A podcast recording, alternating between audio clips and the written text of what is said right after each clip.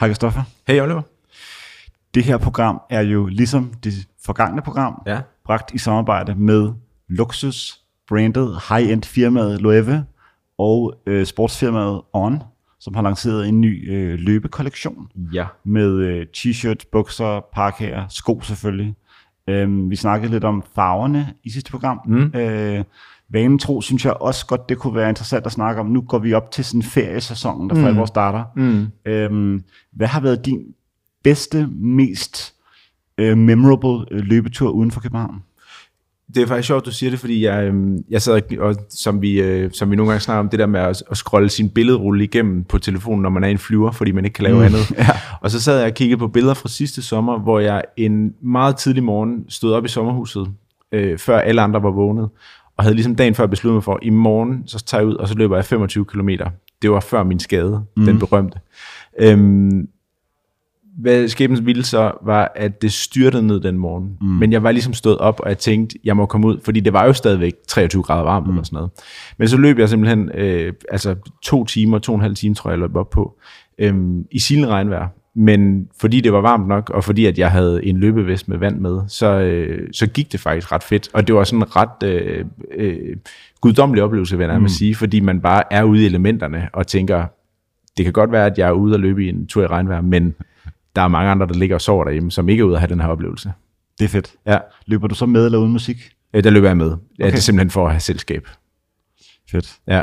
Jamen øh, lad det være en god øh, påmeldelse til alle vores lyttere om, at man ikke skal lade regnen komme i vejen for Præcis. løbeturen. Der er også noget sådan lidt øh, survival mode over det, synes jeg, når man begiver sig ud i det der. Jamen altså, når man er derude, og, og alle de andre er inde i tørvejr, så er der noget, øh, der er noget overskud over det, synes jeg.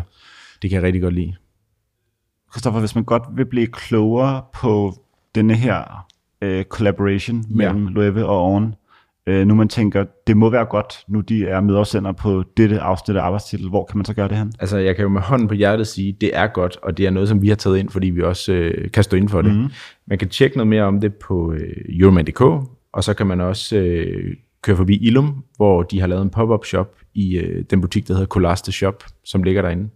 Øhm, og ellers så ved man jo, hvordan man staver til Loewe, L-O-E-W-E, øh, sammen med On, O-N, så kan man sikkert google det frem, hvis man øh, gerne vil se billederne. Klikke det klak. Klikke det klak. Og øhm, det var det. Skal vi ikke øh, komme i gang med showet? Vi går i gang med showet. Ja.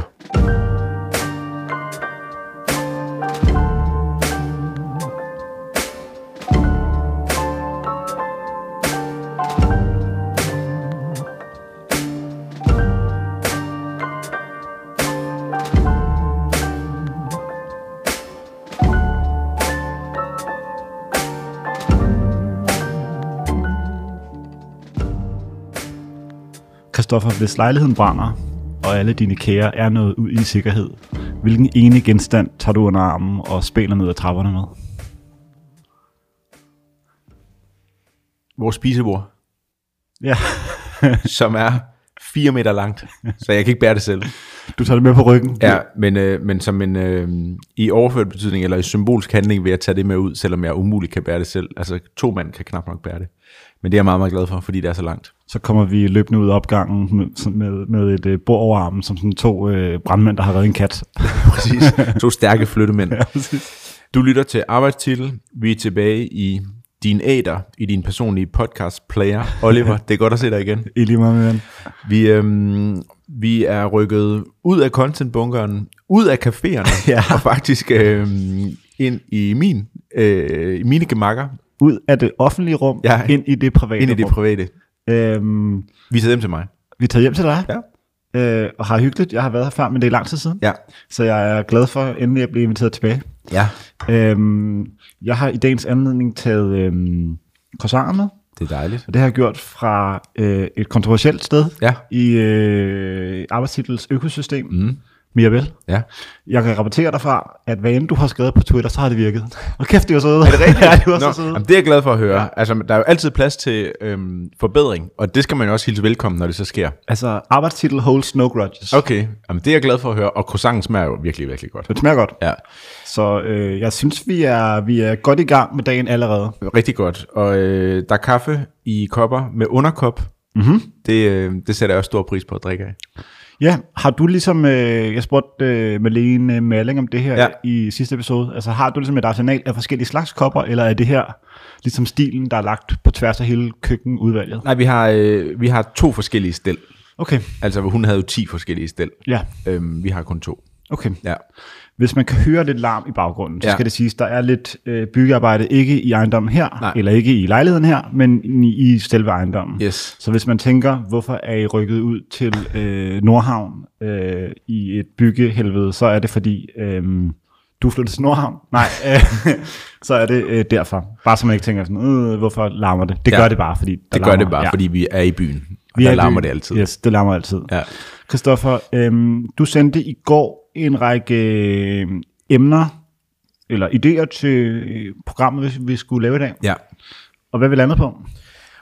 Vi landede på om at være alene. Mm-hmm. Det er jo en lidt sjovt, når jeg siger, at vi landede på om at være alene, så ved folk det allerede, fordi det er det, der er titlen på podcasten i deres podcast-afspiller. Det er rigtigt, og jeg kommer også ja. til at tænke på, at vi skal nok ligesom bare få det klider til at starte med. Ja. Der er ikke nogen af os, der ligesom er gået fra vores kærester, Nej, eller i dit tilfælde, altså din hustru. præcis. Øhm, så det er, ikke, det er ikke et større sådan, øh, livseventyr, der handler om nu bare at Nej. være en lone wolf i the big city. Præcis.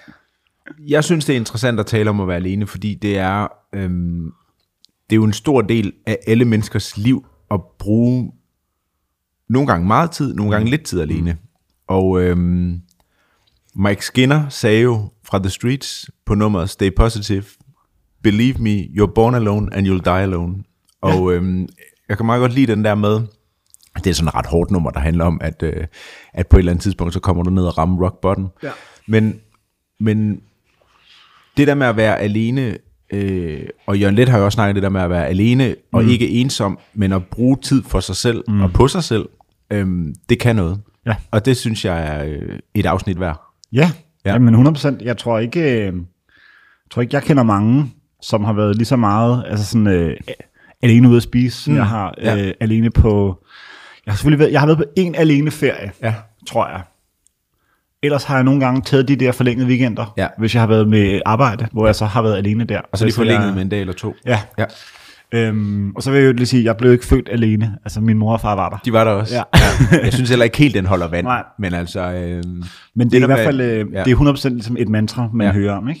Ja. Øh, om end man kan være enig eller øh, uenig i, hvor sandfærdigt det nu engang er. Men skal vi ikke bare lige starte med det der med at spise alene? Fordi det er jo en øhm, højt besunget, men i nogens øjne også et udskilt disciplin, mm. at gå ud og spise alene. Jeg tror, der er rigtig mange, der ikke tør, ja. Vil, altså føler ubehag ved det. Mm. Øhm, hvad er dine erfaringer med det? Altså min erfaring med det er, at jeg vil nok ikke så of... Jeg tror ikke, jeg har taget på en restaurant, restaurant i København alene. Nej. Altså, så er jeg taget på et af mine sådan, steder, som er lidt en blanding af pizzeria og en restaurant eller Ja. et eller andet. Eller et spisested, kan man nok hellere kalde det. Men det der med sådan at tage på maison alene Nej. og bare spise en peberbøf, det har jeg aldrig gjort og kommer heller ikke til at gøre. Øh, men det er selvfølgelig noget, man, eller jeg gør, når jeg rejser. Mm. Øhm, for det første er det der med at spise ude jo bare en god måde at få lang tid til at gå med noget. Ja. Og ikke fordi tiden kun skal gå, men øh, livet er lang, langt og kedeligt, øh, så man kan lige så godt altså, bruge tiden på noget godt. Der er Spise noget godt imens. der er også for tiden til at gå hurtigere. Ja.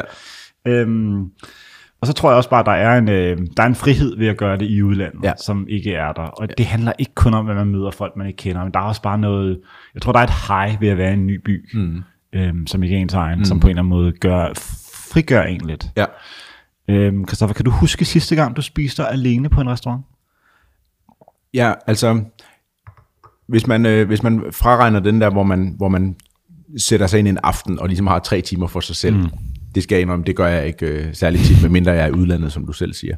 Men jeg har meget tit, hvis jeg har, øh, hvis jeg har afleveret min datter øh, i børnehave, og så øh, har jeg lige en, måske en halv time, hvor det egentlig giver meget god mening lige at sætte sig for sig selv. Mm. Øh, der kører jeg relativt ofte forbi Polly på Gamle Kongevej, ja. hvor vi også har optaget flere gange mm. i øvrigt, og, og lige sidder med en kop kaffe og øhm, måske et, øh, et stykke brød, Ja. Og, og ikke vågner, fordi det har jeg, det har jeg gjort for længst, mm. men, øh, men bare lige læser avisen, eller, eller sidder og får lidt liv dernede. Ja. Jeg synes også, der er noget ved at øh, spise frokost alene. Mm. Altså, øh, jeg, jeg kan rigtig godt lide øh, når man har tid til det, det er jo meget sjældent i hverdagen, at man lige har tid til at tage en time for sig selv midt mm. på dagen, fordi det er der, hvor tingene går hurtigst, mailen er allervarmest, mm. og telefonen den dingler derud af.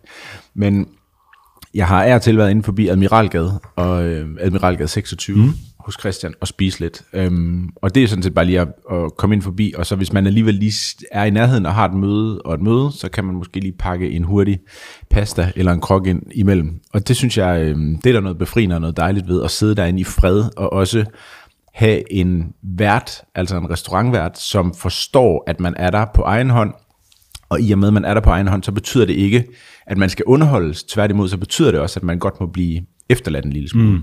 Fordi det er også en, en stor del af det. Det er også, at verden forstår, at man ikke er et en outcast, ved at ja. man sidder derinde ja. øh, i ensom majestæt. Det synes jeg er en god pointe. Ja. Hvor langt har du været fra at bestille bouillabaisse til en inde på Admiralgade 26? og så bare spise begge portioner? Nej, nej, jeg, nej, jeg mener bare, altså, øhm, fordi det du nævner er netop også, de også tit har haft en pasta på kortet, eller ja. en på kortet, som er sådan nogle klassikere, ikke? Ja. Det er en bouillabaisse, altså en fiskesuppe. Yes. Bouillabaisse, tror jeg det udtales. Jeg ved ikke, om man udtaler øh, eldet, men øh, hvor med alting er, så, øh, altså, så synes jeg også, det er en ret vild ret på en ja. eller anden måde. Og især ja. sådan en frokostret, og især en solo frokostret. Men det smager jo sindssygt godt, men måske netop, altså suppe har jeg lidt svært ved at, at spise med andre mennesker. Ja. Og det er meget sjældent, jeg gør det, fordi det er for det meste et dårligt look. Ja. Og øhm, det smager jo himmelsk godt, mm. sådan fiskesuppe der. Ja. Men jeg er bare, øhm, det, jeg spiser ikke så tit. Øh, det er for meget. Jeg spiser det ikke så tit. Ja. Det er for meget. Ja. Jeg tror, øh, nu, nu var jeg lige i London for en uges tid siden, øhm, og havde ligesom også noget tid for mig selv derovre. Og der har jeg, øh, jeg tror jeg har sagt det tusind gange før, men altså som lidt et ritual. Mm. Med en restaurant, der hedder Lardo. Ja. Øhm, som jeg spiser aftensmad på. Ja. Ligger op i nordlige London, op ja. ved London Fields. De har en køkkenbar. Det er jo det, og det er jo det, man skal have. Og det, altså, det er en stor del af det, synes ja. jeg, at man nemlig ikke sidder øh, ved siden af et par på date. Yes. Øh, men man ligesom sidder deroppe. Ja. Og så er der også et show. Mm. Og så var jeg på Dean Street Townhouse. Yes. Så det er et sted, jeg begge to faktisk har altså, spist, nu siger jeg en del gange, men ja. lad os sige to-tre gange ja. alene ved at skyde på. Så jeg har også klart mine steder, og det Helt. tror jeg også hjælper. Helt sikkert.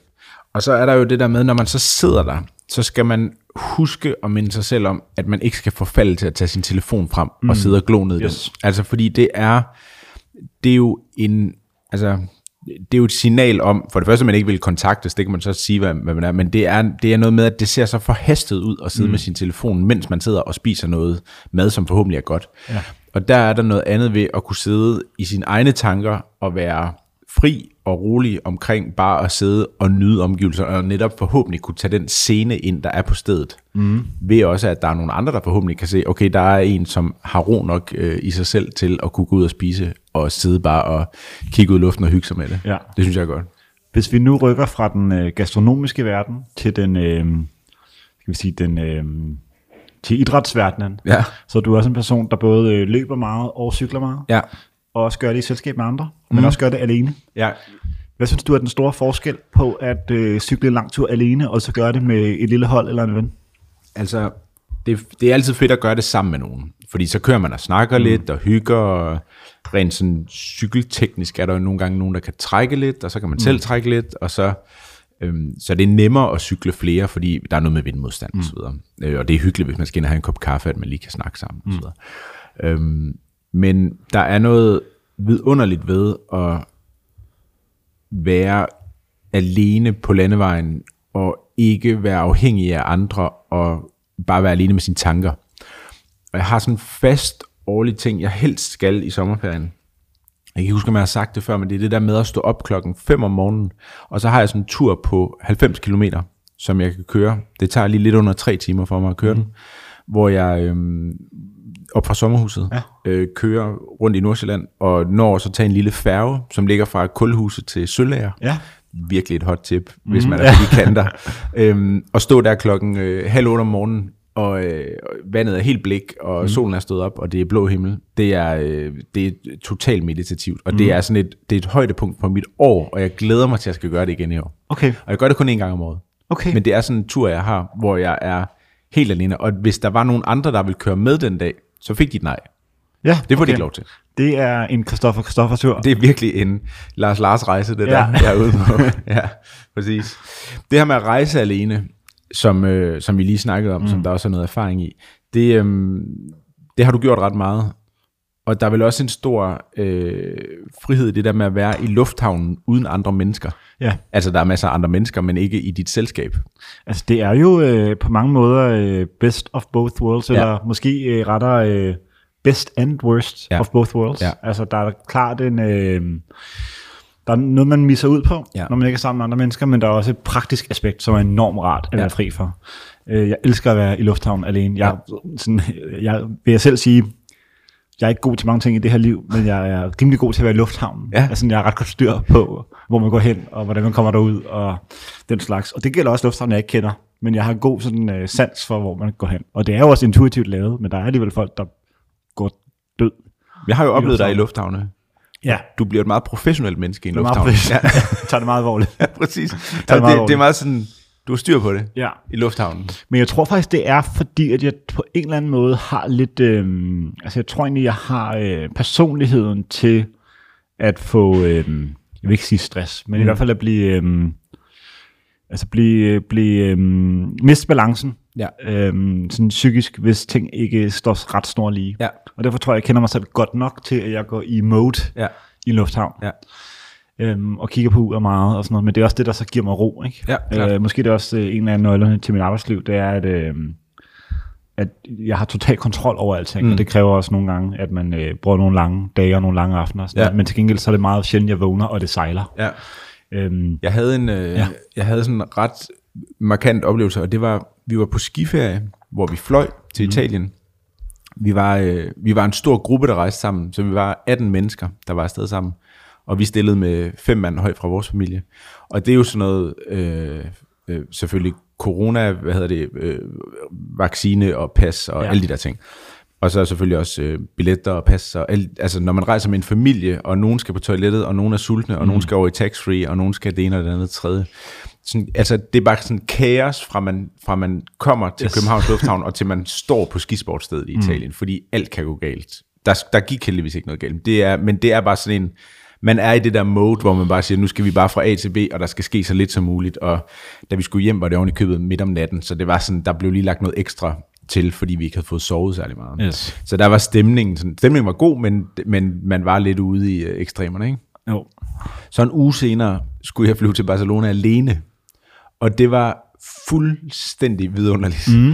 At være i lufthavnen, altså tage ud i lufthavnen alene, mm. være i lufthavnen, købe noget mad, hvis jeg havde lyst til det, lad være med, hvis jeg ikke havde mm. lyst til det.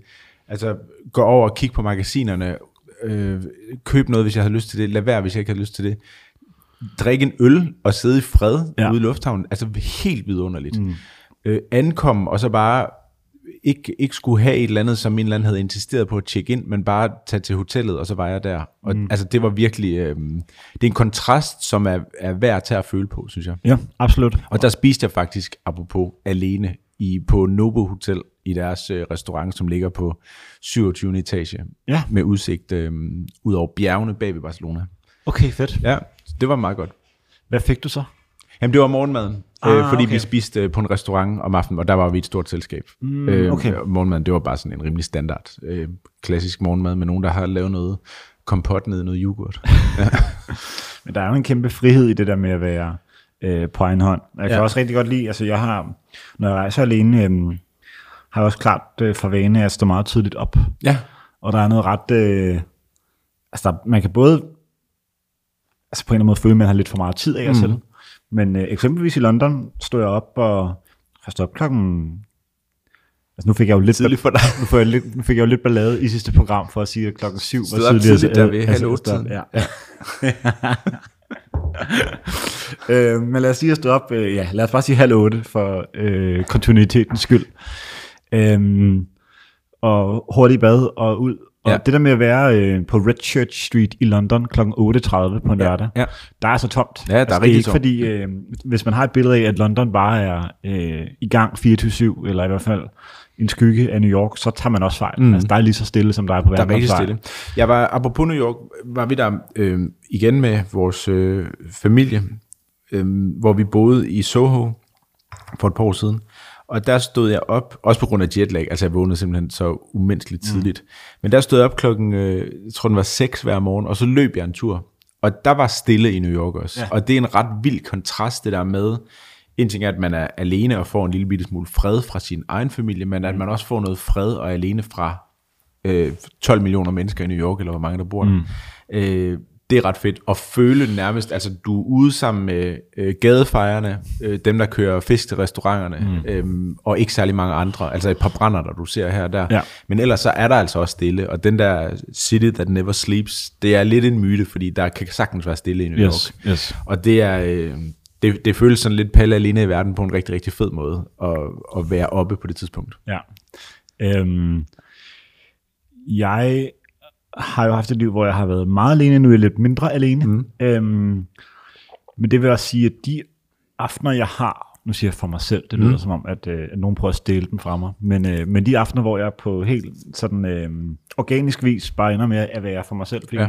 Min kæreste har en, har, en, har en aftale eksempelvis, den bruger jeg jo nu, altså hvis man tænker, at jeg ligger derhjemme i sengen med en Haribo mix og ser øhm, Real Housewives of Beverly Hills, så, så bliver man skuffet. Ja. Altså fordi jeg synes, mit, mit, mit, øh, altså mine alene aftener går på hovedsageligt to ting. Altså, nu siger jeg, gøre rent, eller du skifte sengetøj, sådan nogle ting. Sørg okay. For, at ting ligesom spiller, som er sådan noget, jeg ikke gider, når jeg er sammen med andre. Ja. Og så, øh, og så er det dyrke en eller form for sport, eller at røre mig på en eller anden måde. Ja. Øhm, og jeg er lidt nysgerrig på, altså du har jo også nogle aftener, hvor du er for dig selv, og en ting er selvfølgelig at de aftener, hvor du er ude med venner, men de få aftener på et år, hvor du er her hjemme alene, hvor børnene er ude, og hvor Louise er ude, hvad foretager du der sådan en onsdag aften her? Det, det er sindssygt, når det sker. Mm. Altså, det er vanvittigt, når det sker. Fordi lige pludselig, så går det op for en, Gud, jeg er alene hjemme på onsdag. Ja. og man, øh, man går og tænker på, hvad man skal. Og når man så er alene hjemme, så går man nærmest rundt om sig selv, mm. af bare lykke over at være alene hjemme. Mm. Og man tænker sådan, nu skal jeg øh, høre høj musik, øh, ligge på sofaen og se noget i fjernsynet, uden at der kommer et barn og lægger sig ovenpå mig, eller uden at der er nogen, der råber, at jeg skal lave mad til dem. Øhm, man kan også sagtens gå i sådan noget oprydningsmode, og ligesom tænke, nu, nu får jeg endelig styr på mit skab, eller altså hvor alt mit tøj nogle gange ligger kastet ind. Øhm, men det er sådan en, det er nærmest sådan en lykkefølelse bare at gå rundt og lave ingenting i ens bolig, når man så endelig er alene. Så det er ikke sådan, at jeg har det der store projekt, hvor jeg tager mit, øh, mit modeltog frem, og så, og så bygger det. Øhm, Ønske, det var det. Præcis. Jeg vil, det er sådan nogle ting, vi har langt hellere gøre, når der, når der er andre mennesker, der sker noget. Altså, mm. Hvis jeg nu skulle bage eller lave et eller andet stort, stort mad. Mm. Men det der med bare at gå rundt og være sig selv, og der er ikke nogen, der forstyrrer en, det er, altså, det er bliss for sjælen. Ja. Hvad kunne du finde på at lave af mad til dig selv? Jamen, det er jo... Øhm, det er, jo, det er jo det kedeligste i verden at lave mad til sig selv. Mm. Jeg elsker at lave mad til andre, mm. og jeg kan sætte, altså vi havde gæster i lørdags, og der laver jeg mad fra klokken 9 om morgenen til klokken 7 om aftenen, til de kommer. Ja. Og jeg elsker det. Mm. Men at lave mad til sig selv, og spise det selv, det er jo, altså, man kan jo godt bruge en halv til en hel time på at lave mad til sig selv, ja. så tager det 3,5 minutter at spise, yes. og så er det det største antiklimaks i historien. Jeg laver sådan noget, et, øh, jeg smørrester noget rugbrød, og så laver jeg et spejlæg, Ja. og en avocado og noget Yes. yes. chili sauce ovenpå, og så, øh, så er jeg glad. Okay. Så, så jeg, mad, det synes jeg, når jeg er herhjemme, så skal det deles med nogle andre. Har du lidt sådan en, sådan en, øhm, altså en skyldig fornøjelse i et eller andet slik, eller noget, Jamen, altså, det, sådan noget Kellogg's øh, Frosties, du spiser, eller sådan noget? Nej, jeg, vi, vi har faktisk nogle gange noget af sådan noget Coco Pops eller Ja. Frosties. Nu sidder jeg og kigger over på at se, om jeg kan se dem. Jeg tror måske lige, der er udsolgt lige for tiden. Men en gang imellem er der en eller anden hustru herhjemme, der køber det ind, mm. så børnene kan få sådan en sukkerchok, inden de Ja, tager i skole.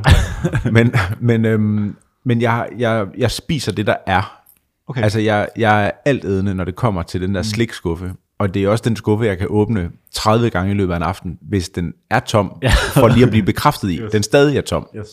Så, øh, så der er altså Toblerone, øhm, sådan plader med chokolade fra Irma, øhm, bolcher, altså alt det, der ligger dernede. Toffifee, jeg spiser alt. Mm. Ja. Men er sådan ret moderat omkring det også. Okay. Altså, øh, fordi jeg, der er også andre herhjemme, der skal have noget. Ja. Så jeg tømmer ikke bare sådan en pakke Toblerone. Nu er det jo ikke, fordi du går i dobbeltradet jakkesæt på arbejde, men er der ligesom noget tøj, du vil skifte til, når du, eller, altså, når du så er her alene? Nej, jeg klæder aldrig efter, om. altså, der er ikke, Nej, det jeg tager på om morgenen, det har jeg på til at gå i seng igen. der er ikke et garderobeskift. Jeg har ikke noget, hvor jeg kommer hjem og tænker, nu skal jeg have nogle bløde bukser på, eller nu skal jeg have en, øhm, en hættetrøje på, eller et eller andet. Altså det er, øh, det er fra morgen til aften. Der var jo, øh, nu gætter jeg, men jeg går ud fra, at du har boet alene for 8-10 år siden, eller sådan noget. Ja, sådan noget 10 år siden. Øhm, havde du det der? Altså gik du så hjem og skiftede til et øh, sweatsuit, eller noget, der minder om det? eller har det aldrig været din ting? Nej, det, jeg, jeg ejer det ikke. Nej. Altså, jeg, jeg tror måske også, vi snakker om på et tidspunkt, du havde noget øh, sweatpants fra APC Ja, ja, eller sådan noget. Øhm, men jeg ejer det simpelthen ikke. Okay. Øh, og så sent som i går, der fandt jeg et par, et, jeg, det, nu retter jeg mig selv, jeg fandt et par gamle, sådan nogle joggingbukser-agtige ja. ting, men som jeg simpelthen gav til øh, Blå Kors, eller hvad det hedder. Altså, Røde Kors. Røde Kors. Jamen, der er noget, de hedder Blå Kors, nogle af de der butikker. Nå, okay. Yes. Jeg troede bare, du ikke vidste, hvad Røde Kors hed. Det, Jeg gav det til krydset. gav, det til et, gav det til et andet menneske. Det ville være så vildt, hvis man... Nej, Hvad med, øhm, en del af at være alene for dig, formoder jeg også, er, øhm, altså jeg tror, der er en gammel, øhm, jeg kan huske, hvem det er, der har den joke, men som, som siger, at, øh, jeg tror, det er Jerry Seinfeld, men jeg kunne tage fejl, men som, som siger, at, øhm, at, at øhm, når familien skal på ferie, Mm. og alle er vågnet om morgenen, fået tøj på, spist morgenmad, huset er lige sådan shined op, så der ikke står nogen æg i køleskabet og bliver dårlige eller et eller andet. Og så øh, pakker de bilen og får børnene ind på bagsædet og hustruen ind på øh, pladsen ved siden af ham. Og så går han over, og så lukker han døren for hende. Ja. Og turen fra, at han lukker døren, til han går over på sin anden side af døren, det er ferien for ham. har, altså, og jeg tænker, at du har også lidt sådan en ting, hvor øh, bilen er vel et af dine få sådan alene stunder. Altså, jeg elsker at køre bil. Ja. Jeg elsker at køre bil, fordi jeg er, altså når jeg er alene. Jeg kan også godt lide det, når der er andre, men at sidde alene i en bil, jeg elsker det. Mm. Høre musik, ringe til nogen, øhm, bare køre og være sig selv, det er fuldstændig vidunderligt mm. og komplet undervurderet. Det er et helle, altså ligesom andre mennesker siger, jeg kan kun være alene ude på toilettet. Ja. Det synes jeg er kedeligt at være Ja. ude på toilettet ja. alene. Altså det er jo ikke sådan, at jeg går ud og låser døren. Men jeg synes, det der med at køre bil, det er vidunderligt. Og det der med, også når man er på ferie eller herhjemme, og man tænker, altså det kan også være alene bare at gå ned i Irma, fordi man har glemt at købe mm. et eller andet. Og så er man hurtig til at sige, jeg skal nok lige løbe ned og hente Yes. det, fordi så har du nogle gange den der, efter 6-7 timer sådan lørdag, hvor, hvor der er blevet lavet mad 48 gange, og børnene har råbt og skrevet og sådan noget. Når du så lige har de der 5 minutter, hvor du bare står dernede, og du har måske egentlig lige taget dine øh, Airpods med, så du hører Ja. musik undervejs. Yes. Det er, det er ferien for mig. Ja. Altså, det er virkelig, virkelig godt. Og hvad, øh, hvad hører du i bilen, hvis du sætter musik på? Altså har du noget særligt køremusik? Eller er det bare det samme, som du ville høre, øh, mens du arbejdede, for eksempel? Ej, det er det, det, er det samme altid. Okay. Ja, det, det er bare, øh, kører bare Spotify. Okay. Ja, kører bare den der Danmark Top 100. Nogle nye tunes med singer-songwriter Christoffer. Præcis. Ja. Er det ikke her, vi går til øh, vores, øh, jeg tror du plejer at sige, berømte og berygtede format, overvurderet og undervurderet? Præcis.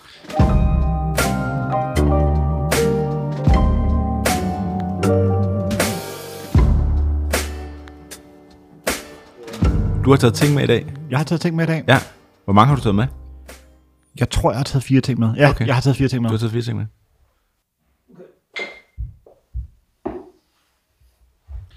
Og den første ting, den kommer her. Det er grønne oliven. Mm-hmm. Øhm, fra Sicilien. Mm-hmm. Som er et glas. Du kan næsten regne ud, hvad spørgsmålet er. Altså, er oliven overvurderet eller undervurderet? Et divisive øh, stykke mad, vil jeg sige. Ja, det, det er faktisk... Øhm, det, jeg synes faktisk, det er et virkelig godt spørgsmål. I det simple menneskes øjne vil det være et banalt spørgsmål, men i det avancerede menneskes mm. øjne og ører er det et komplekst spørgsmål. Mm. Fordi altså oliven i deres grundform smager jo godt. Mm. Altså de smager godt. Men der er to ting ved oliven, der er irriterende. Mm. Det er det, når du skal tage dem, jeg kan ikke lide at spise mad, man tager med en tandstik. Nej.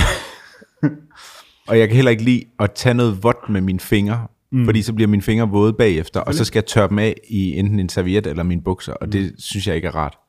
Og så er der stenen i oliven, mm. som efterlader, øh, altså den skal jo ligge et sted bagefter, mm. og uanset hvor det er, altså om det er i en designated skål, eller på en tallerken, eller et andet sted, så ligger den stadigvæk der.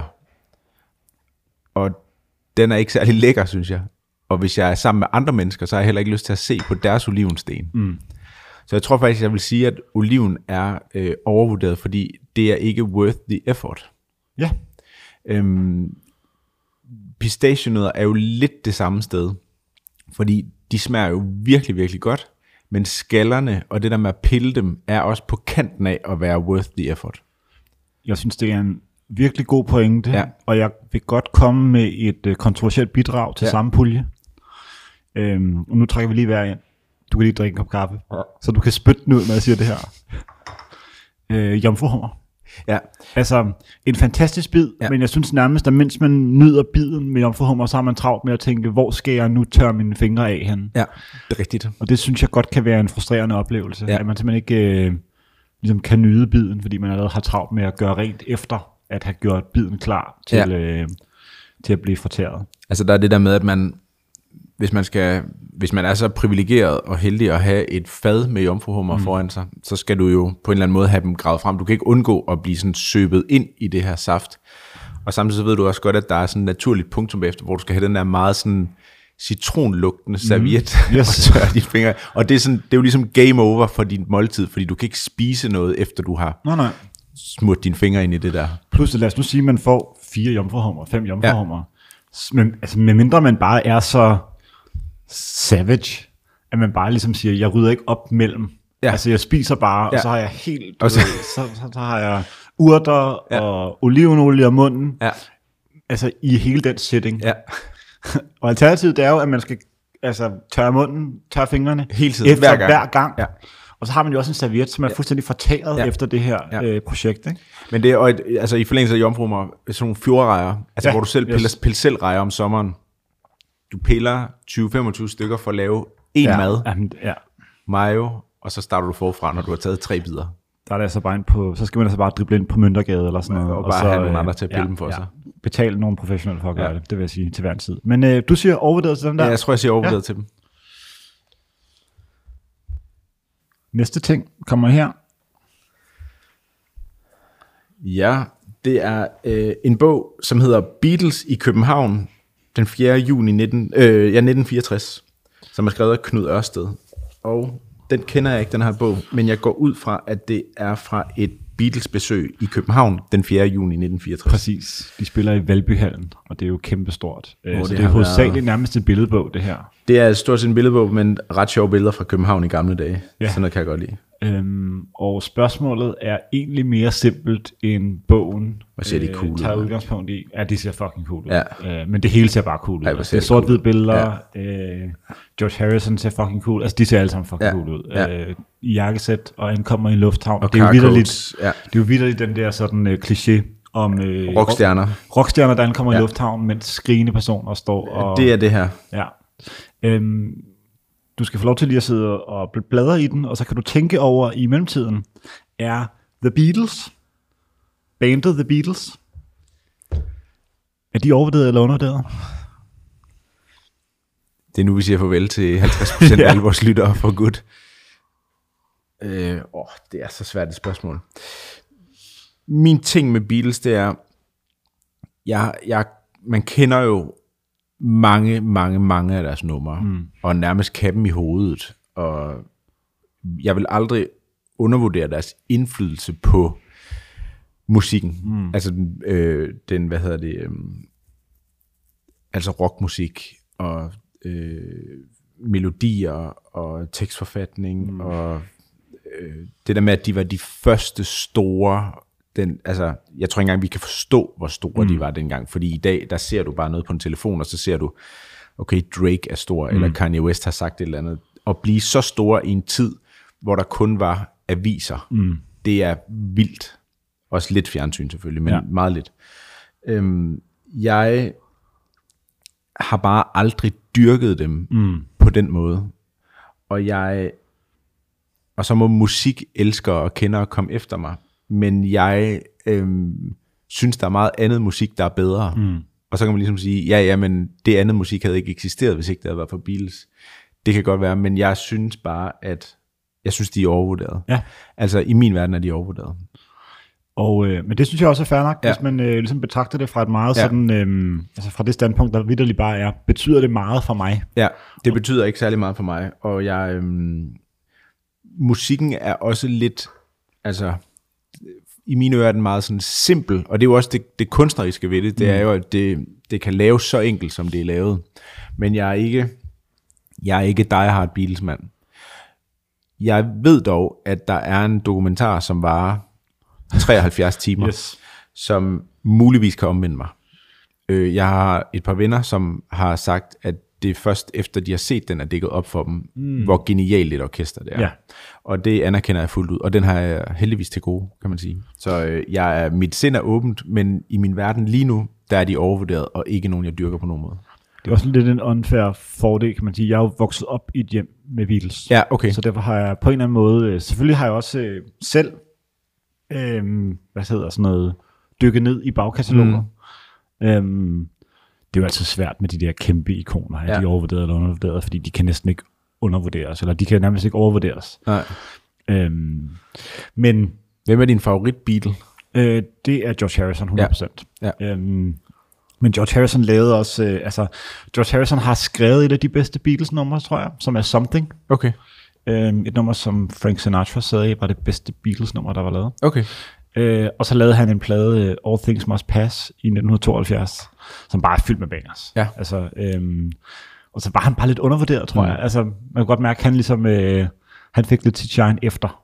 Han ser overdrevet cool ud. Ja, han ser fucking cool ja. ud. Øh, og han havde også en helt Hare Krishna-agtig periode bagefter, hvor, hvor han også lignede... Ja, det er rigtigt. Øhm, altså nærmest et modikon nu. Ja, ja, altså, øhm, det jeg skulle til at spørge dig om, det er, hvad for noget musik er du så vokset op med i dit øh, barndomshjem? Altså, hvad har I dyrket? Altså, rigtig meget Paul Krabs. Ja. okay, så dansk musik? Nej. Øhm, vi, altså, rigtig meget Kim Larsen. Ja.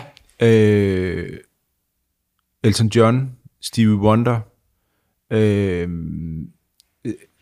den der Songs in the Key of Life, mm. Stevie Wonder, havde min mor på LP, eller mine forældre på LP, og den hørte vi virkelig meget. Øhm, ja, den, altså Thomas Helmi er også noget dansk musik, ja. som stadigvæk sidder i mig. Jeg, jeg kan stadigvæk virkelig godt lide det. Kim Larsen så hører jeg meget tit. Det kan jeg faktisk godt høre i bilen selv. Mm. Det synes jeg er virkelig godt. Øhm, ja, det er meget sådan noget. Så vi hørte også noget Beatles. Vi hørte også Beatles, og vi hørte også øh, noget Rolling Stones, kan jeg huske også, når vi kørte bil.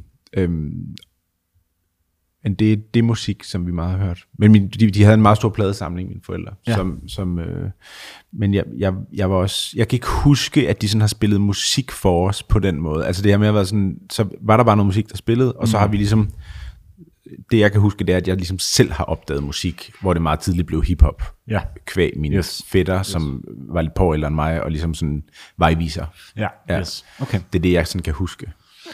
Øhm, jamen lad os gå til næste ting. Ja. Så du siger Beatles lidt overvurderet? Ja. Kontroversielt statement.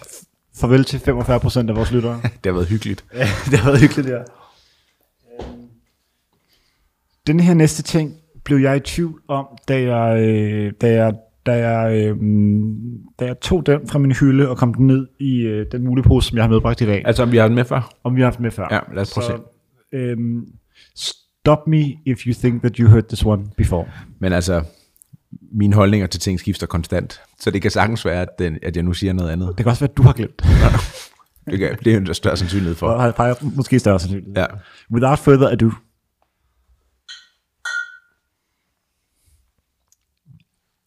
Det er en Byredo parfume. Mm-hmm. Og Byredo er et øh, svensk parfumebrand, som er stiftet af en mand, der hedder Ben Gorham, der ser meget sådan overmenneskelig ud. Ja, han ligner faktisk lidt George Harrison i 1972. Ja, bare, øh, bare med 50 kilo flere muskler. Ja. han, er, han er en flot mand. Ja. Byredo parfume. Altså, øhm, er spørgsmålet Byredo? Spørgsmålet er, om Byredo er overvurderet eller undervurderet. Altså, jeg synes, at Byredo har et meget stærkt brand. Øhm, æstetikken er flot. Alt det, de har bygget op omkring deres øh, altså en visuelle identitet, mm. det er ekstremt stramt. Øhm, jeg ejer ikke selv noget Byredo, øhm, men jeg synes, det er sådan noget, der... Altså, jeg kan kun have respekt for at opbygge noget fra bunden i en, hvad skal man sige, niche eller en kategori, hvor de står så stærkt. Altså, de er nærmest sådan en... Jeg ved ikke engang, hvad man skal sammenligne det med, fordi det er sådan en, det er sådan en Aesop, men bare for, for parfumer, ikke? Øhm, jo, så laver de jo mange af de samme ting, som Aesop laver. Ja. Altså en håndcreme, ja. en håndsæbe, så videre. Og så er det jo øhm, øh, fra Sverige, og mm. det kan man også kun øh, anerkende øh, og blive lidt stolt af sådan en skandinavisk øh, brand, som bliver sådan internationalt og så kæmpestort. Og så synes jeg, at noget af det, jeg er imponeret over ved Ben Gorham og hele den her Byredo, mm. det er, at altså det virker som om, at det er tænkt globalt fra starten. Mm. Altså det er ikke sådan noget, der ved et tilfælde er blevet stort, fordi de lige har fået en butik på i Oslo og en på i København. Altså det er sådan noget, hvor de, i stedet for at sige, det kunne være fedt at lave en stor middag i Stockholm for alle vores venner, så er de ligesom tænkt, nu laver vi noget i New York eller i Los mm. Angeles for de 50 vildeste mennesker, og så kommer de, altså det er de der ambitioner, som de hele tiden har haft, og, og det er sådan noget, hvor man tænker, jamen der er ikke nogen, der siger, at de ikke kan gøre det, så selvfølgelig gør de det bare, og så bliver det et globalt brand, mm. og det, øh, så derfor synes jeg, at det er undervurderet, jeg synes, det er fedt. Det er jo lidt ligesom sådan noget, øh, det er jo lidt ligesom øh, Agne og sangerinden Robin. Altså det er jo større end Sverige på Præcis, en eller anden måde, langt det kommer derfra. det er langt ikke? større, ja. Øhm, nu har jeg jo den unfair fordel, at jeg lige har været øh, ude at vaske hænder på dit badeværelse. Og der har du en fremme Nå ja, øh, sæbe stående. Ja. Den samme, som jeg har faktisk. det er meget sjovt. What do you know? Ja. Øhm, hvad holder dig fra eksempelvis at købe en øh, Byredo håndsæbe ud til dit badeværelse? Det er rent tilfælde. Okay. Det er, at jeg ser, at der mangler en håndsæbe på vores badeværelse, fordi vi er ved at løbe tør. Og så er det, så er det den første butik, jeg kommer forbi efter det, hvor mm. jeg så køber den næste håndsæbe. Så det kunne lige så godt have været en Byredo, det kunne lige så godt have været en Aesop, det kunne lige så godt være en Frame. Det kunne ikke være en ned fra Netto, fordi det gider jeg ikke. Det kunne ikke være en, en Meraki. Nej, præcis. Shout out til vores sponsor. Ja, ja. sponsor the pod. Øhm, så ja, det, det, er, det er rent tilfælde. Ja, okay. Jeg synes, der er mange gode udbydere, mm. og jeg er ikke låst til et brand. Så jeg vil gerne dufte mig vej frem i livet. Glad for, at vi har det øh, på Clean Audio. Ja. Så du ser undervurderet Jeg synes, Toretto er undervurderet, og de folk, der ikke kender det, eller har stiftet bekendtskab med det, de kan med fordel dykke ned i universet. Nu laver man jo nogle gange i, øh, i sådan øh, det moderne Danmark, den der sådan, prisen på en liter mælk-test. Ja. Jeg ved godt, at du ved, hvad en liter mælk koster. Det ved jeg ikke, altså noget 45 kroner eller sådan ikke? Jo, Men, øhm, 130, tror ja. jeg. Denne her er der 100 ml i, Ja. altså en eau de parfume. Øhm, jeg lader være med at sige, hvad for en det er, Ja, ja. fordi det er privat. Ikke? Øhm, men øhm, hvad tror du sådan en her koster? ja, der er faktisk helt lost. Det er fordi, jeg går ikke med parfume. Nej. Øhm, men jeg har lagt mærke til nogle gange, når jeg lige sådan kigger i forbifarten, at mange parfumer er vildt dyre. Skal jeg lige spytte sådan ud i luften? Ja, gerne. her, ikke? ja. ja.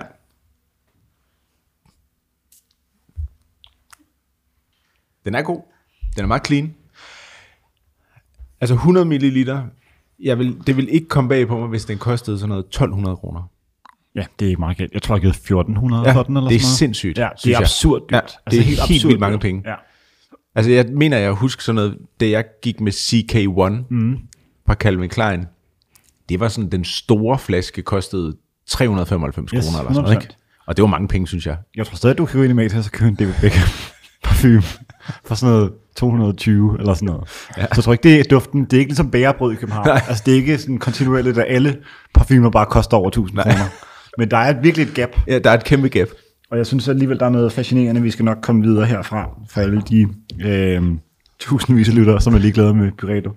Men altså, øh, der er noget interessant i, at det her øh, produkt koster formodentlig ikke særlig meget mere at producere. Jeg Nej. ved godt, der er nogle ting, altså, man skal selvfølgelig have for øje, at der er visse ting, altså sådan noget sædertræ og sådan mm. noget, er bare dyrere at indkøbe Ja. ja. end citrus eksempelvis. gør. Klart. Men ikke desto mindre, det her er kun prissat, tror jeg, nu generaliserer jeg lidt, ud fra markedsposition. Jeg tror, der er rigtig godt markup Altså, på det der.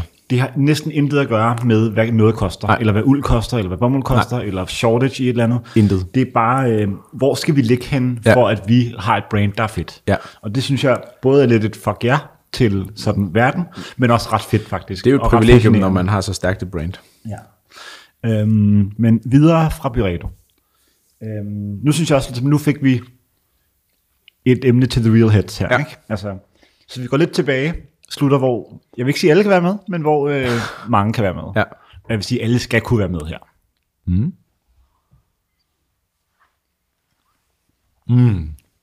Campari. Mm-hmm. Den helt klassiske røde Campari. Mm. Spørger du mig, om en Campari er overvurderet eller undervurderet? Kæmpe undervurderet. Mm. Jeg elsker Campari. Jeg elsker Campari. Altså en Campari soda er jo den voksne mands Aperol Spritz. Mm.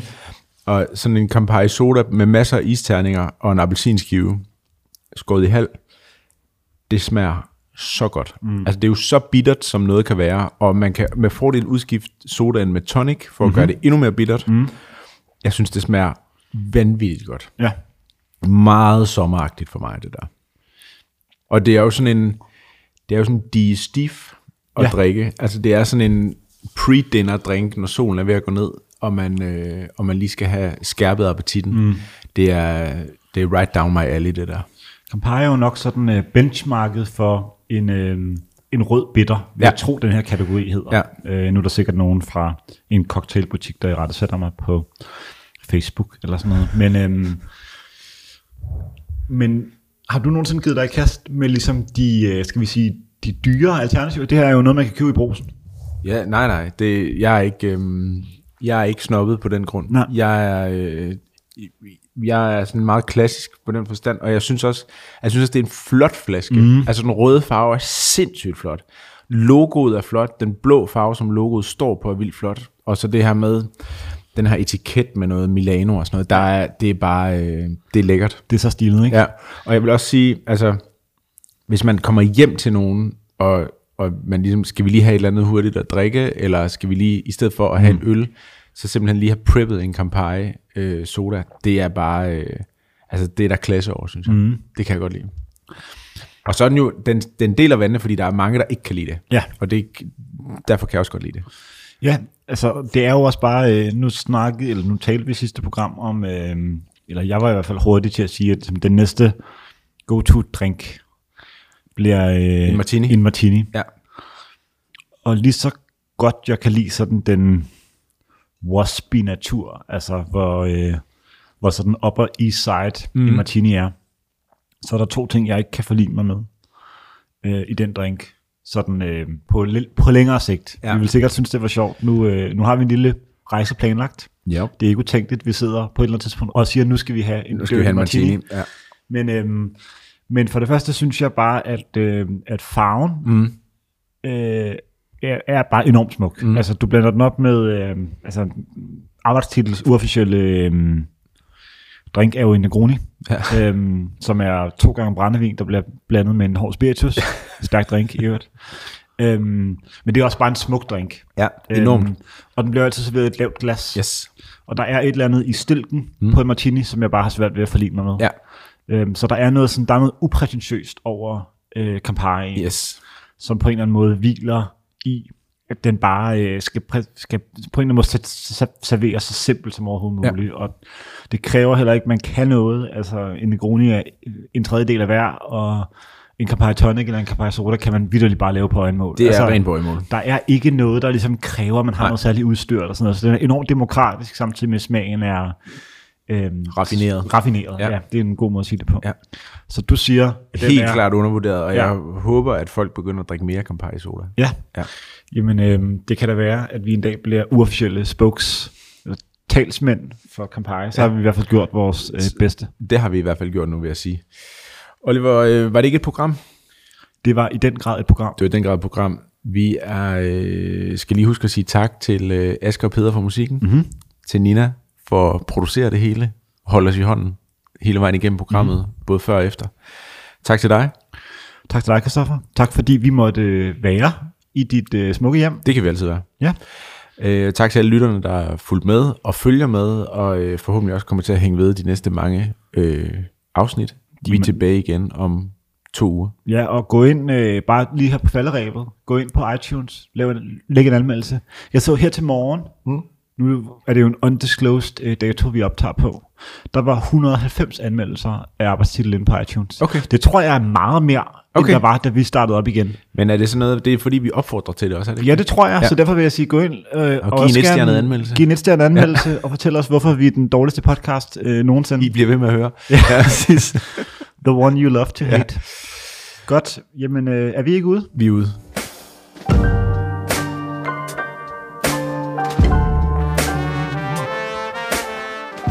Okay, lige en sidste ting. Uh, vi har lovet at sige, at dette program selvfølgelig er bragt i samarbejde med Loewe og On. Uh, øh, high-end uh, løbeudstyr til uh, alle vores lyttere. Uh, I ved, hvor I finder det hen. Det sagde vi i starten af programmet. Gang, gang.